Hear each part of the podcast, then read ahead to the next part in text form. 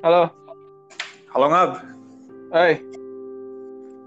Ini kita mau bahas soal Milan yang mau dibeli sama orang Arab dengan nilai 1,1 miliar euro katanya. Yoi.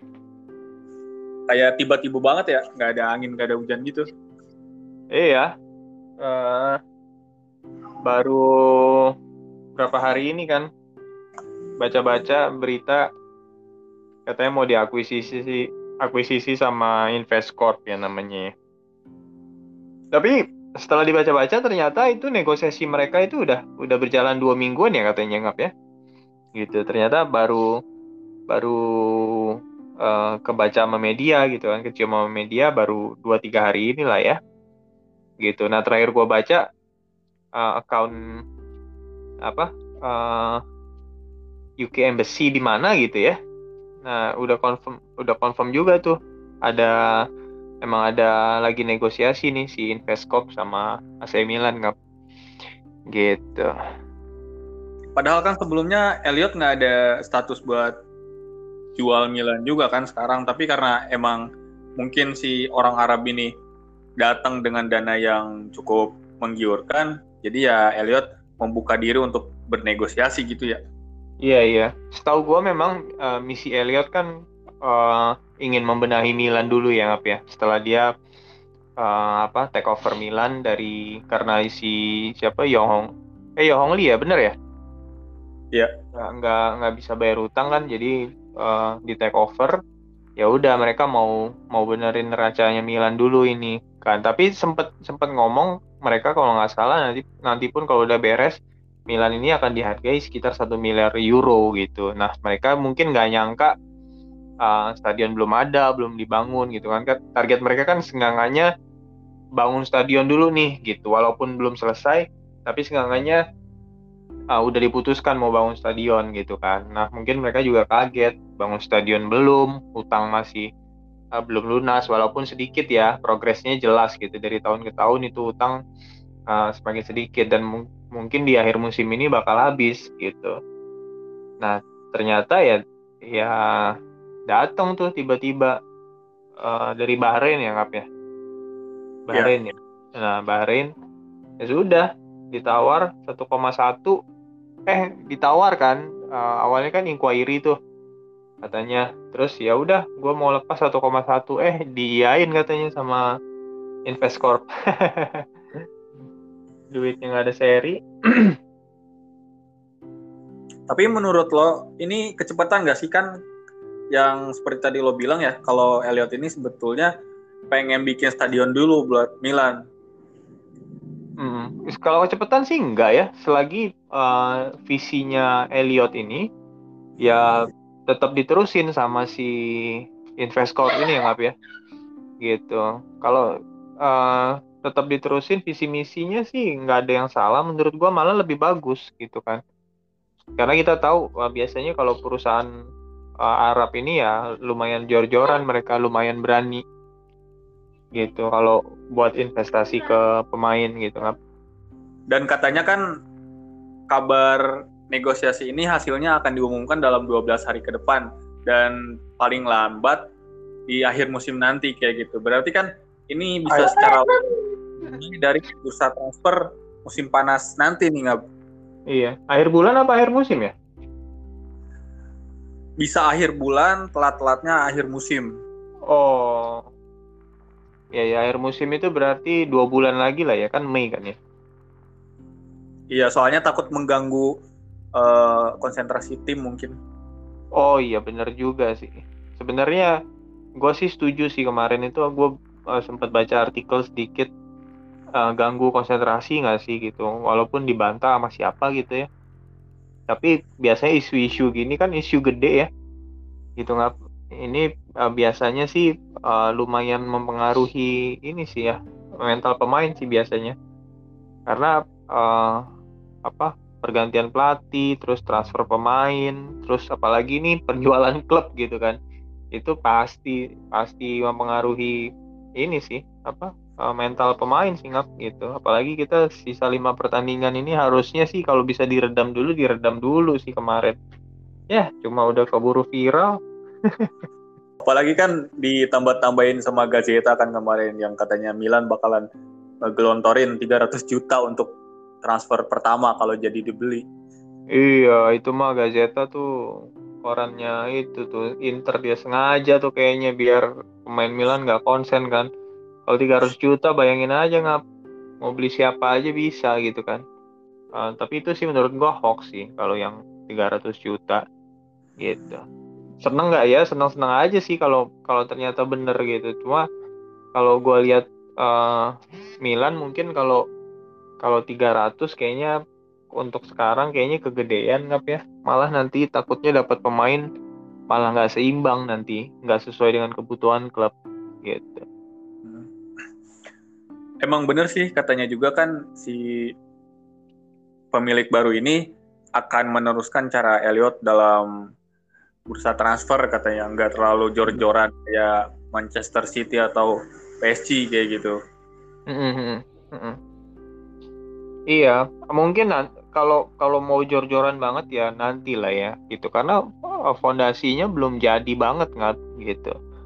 Ya kan masih masih ta dalam tahap berkembang gitu ya. Fondasinya tuh lagi dibikin dulu nih sama Pioli. Biasanya gitu sih kalau klub-klub gede sekarang itu juga nggak langsung tiba-tiba kayak City sekarang deh.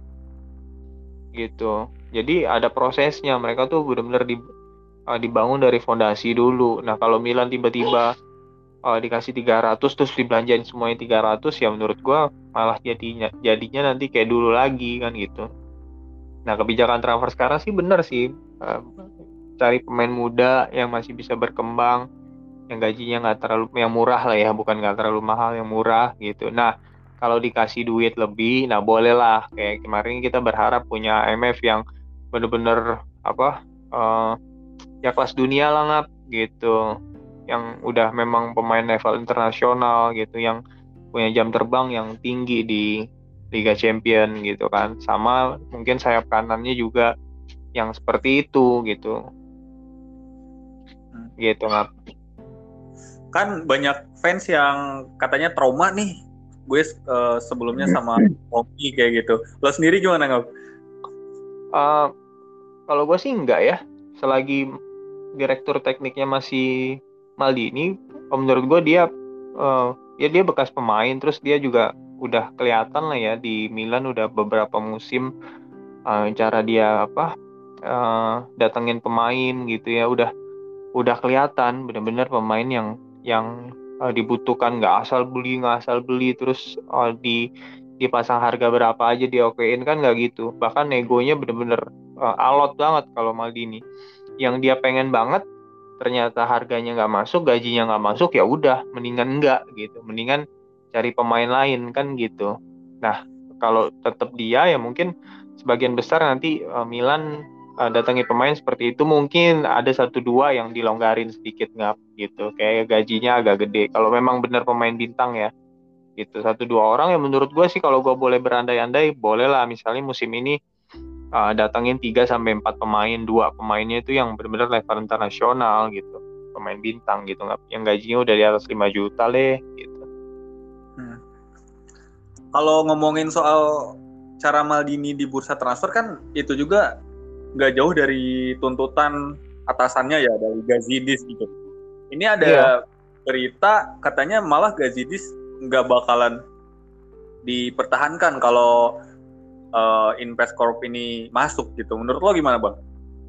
Uh, ya kalau Gazidi sih uh, menurut gua kalau me memang mau diperpanjang ya oke okay ya boleh ya karena dia uh, sebagai CEO sih menurut gua sepak terjangnya oke okay juga gitu. Nggak karena dia yang bener-bener apa ya jadi jembatan antara si uh, Elliot ini sama Maldini kan gitu sama pihak klub kan gitu kan. Kebutuhan klub itu seperti apa gitu. Dia yang selama ini menjembatani gitu. Ya mungkin uh, terus dia juga kan yang yang lumayan banyak kedatangin sponsor gitu kan.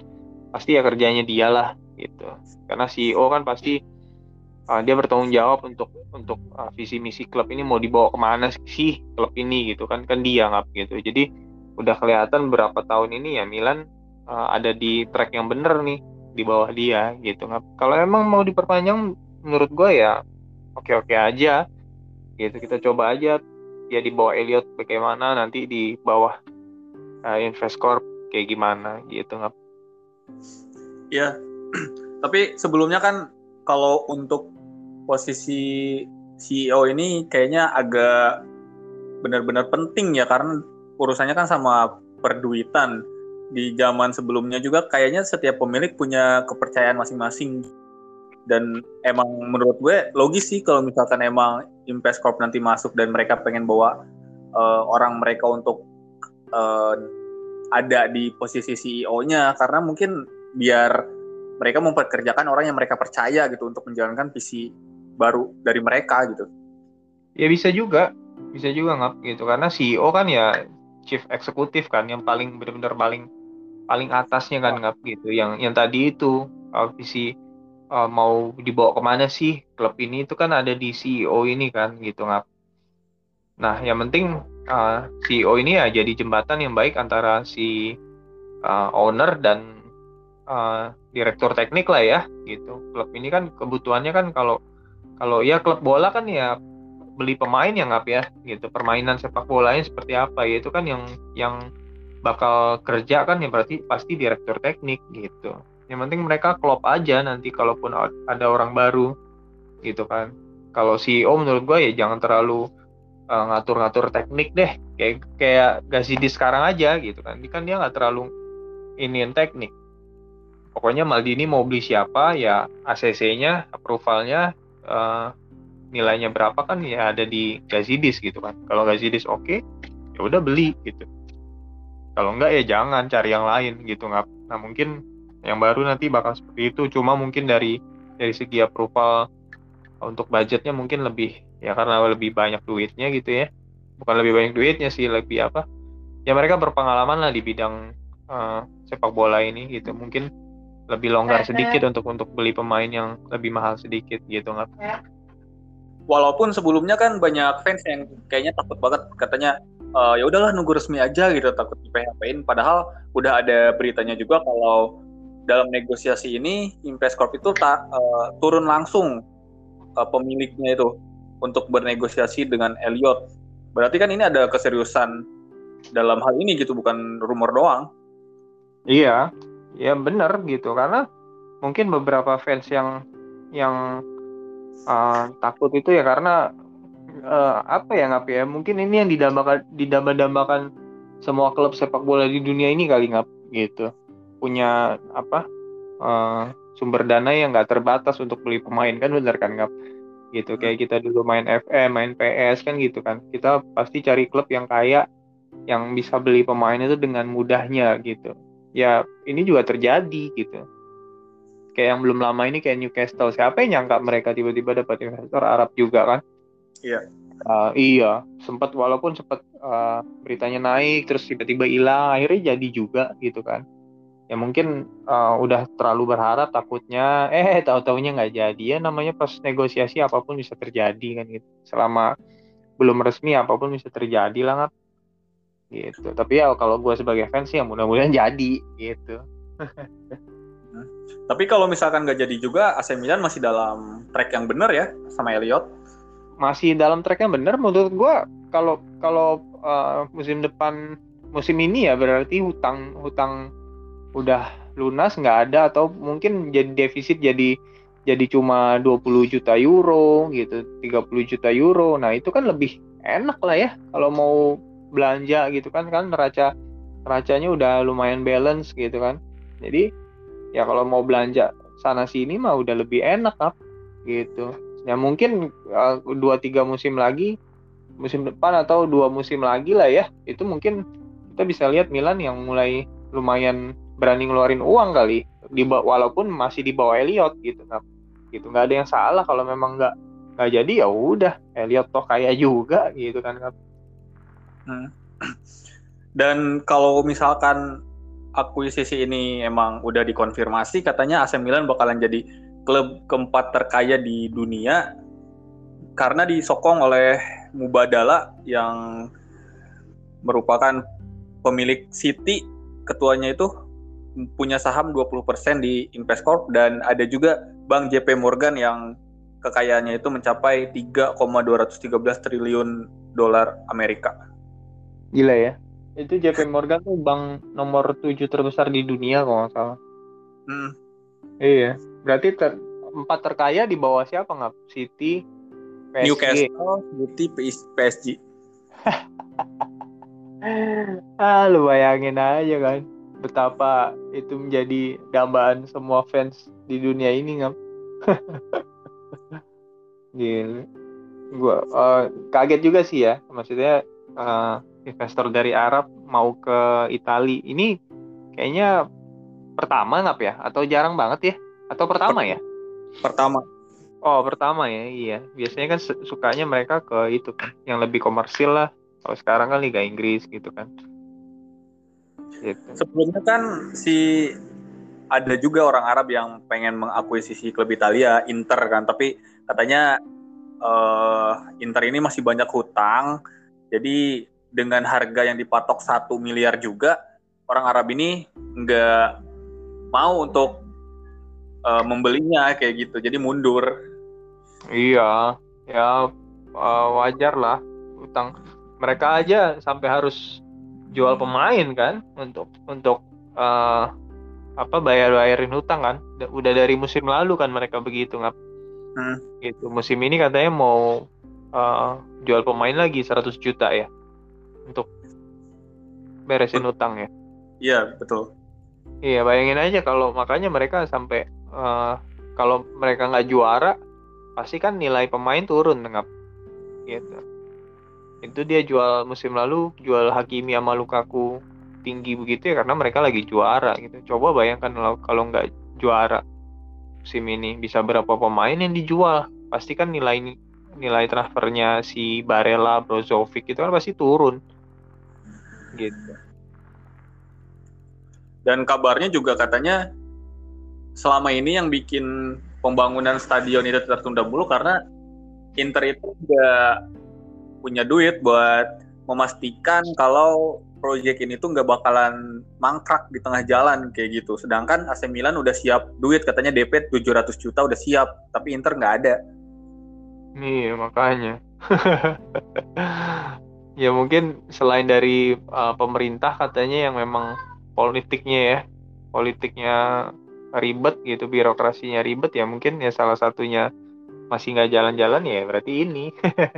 partner buat bikin stadionnya yang nggak siap duitnya gitu tapi kalau menurut gua kalau nggak usah dibikin berdua bikin sendiri aja kalau memang mampu mah oke oke aja nggak gitu hmm. ada masalah sih tapi kalau misalkan si Investcorp ini masuk kan otomatis pemain-pemain kita ya harusnya sih lebih di upgrade ya untuk uh, menyenangkan hati si Stefano Pioli gitu Menurut lo? Iya dong. Pioli dikasih pemain yang kayaknya lebih bagusan lah gitu. Bisa nggak dia? Bisa lah. Sekarang aja model begini aja bisa bisa oke okay banget gitu. Apalagi nanti di upgrade dengan kualitas pemain yang bagus gitu nggak bayangin aja kalau dapat tiga pemain bintang be striker satu uh, sayap kanan satu uh, eh, AMF satu Uduh. Kalau back mah ya udahlah udah bagus semua gitu kan. Kiper apalagi. Walaupun kemarin ada isu katanya Gio akan kembali ke Milan. Aduh gila itu. Gila itu kalau kalau bener sih goblok banget manajemennya. Dan kemarin kan si Casano juga bilang katanya ya kalau trio gelandang AC Milan itu yang ada di belakang striker itu nggak enak ditonton banget bahkan iya iya sering melihat dia mereka bertahan daripada menyerang katanya gitu iya iya semalam itu kalau lo lihat uh, live YouTube gue sama yang Interisti itu nggak hmm? itu dia dia nanya juga tuh kok Milan bisa sih sampai sampai ke titik ini? Dia bilang gitu kan. Kapolista mulu dia bilang gitu. Gue jawab tuh gak ya sama kayak kata Kasando ngomong lah ngap. Kurang lebih seperti itu. Gitu. Sebenarnya pemainnya nggak yang ada nggak ada yang spesial spesial banget. Cuma kayaknya gue bilang Pioli kan si itunya kan nanya kan Pioli ini apa sih Kasano juga kan meragukan kan Pioli bisa bisa kayak gini gitu kan. Karena dari segi segi permainan memang buruk pas semua pemainnya tuh nggak ada yang ini. Bahkan Giroud aja dikritik sama si siapa si Kasano karena memang bener nggak kalau kita nonton terus gitu ya ya apa ya gitu kayak kualitasnya tuh kayak nggak banget gitu pemain-pemainnya ini gitu. Cuma karena karena mereka tuh bermain sebagai sebuah grup gitu ya. PD walaupun mereka masih muda gitu kan. Itu yang itu yang bikin bikin Milan itu masih tetap ada sampai sekarang bukan tetap ada ya ada di titik sekarang itu ada di Capolista perebutan gelar Scudetto itu itu modalnya nggak kalau pemain uh, apa uh, skill pemain mah ya kualitas pemain mah. Ya kita tahu lah kayak gimana gitu. Ada pemainnya bagus cuma kan ya beberapa pemainnya tuh kayak ya nggak bagus lah kurang banget gitu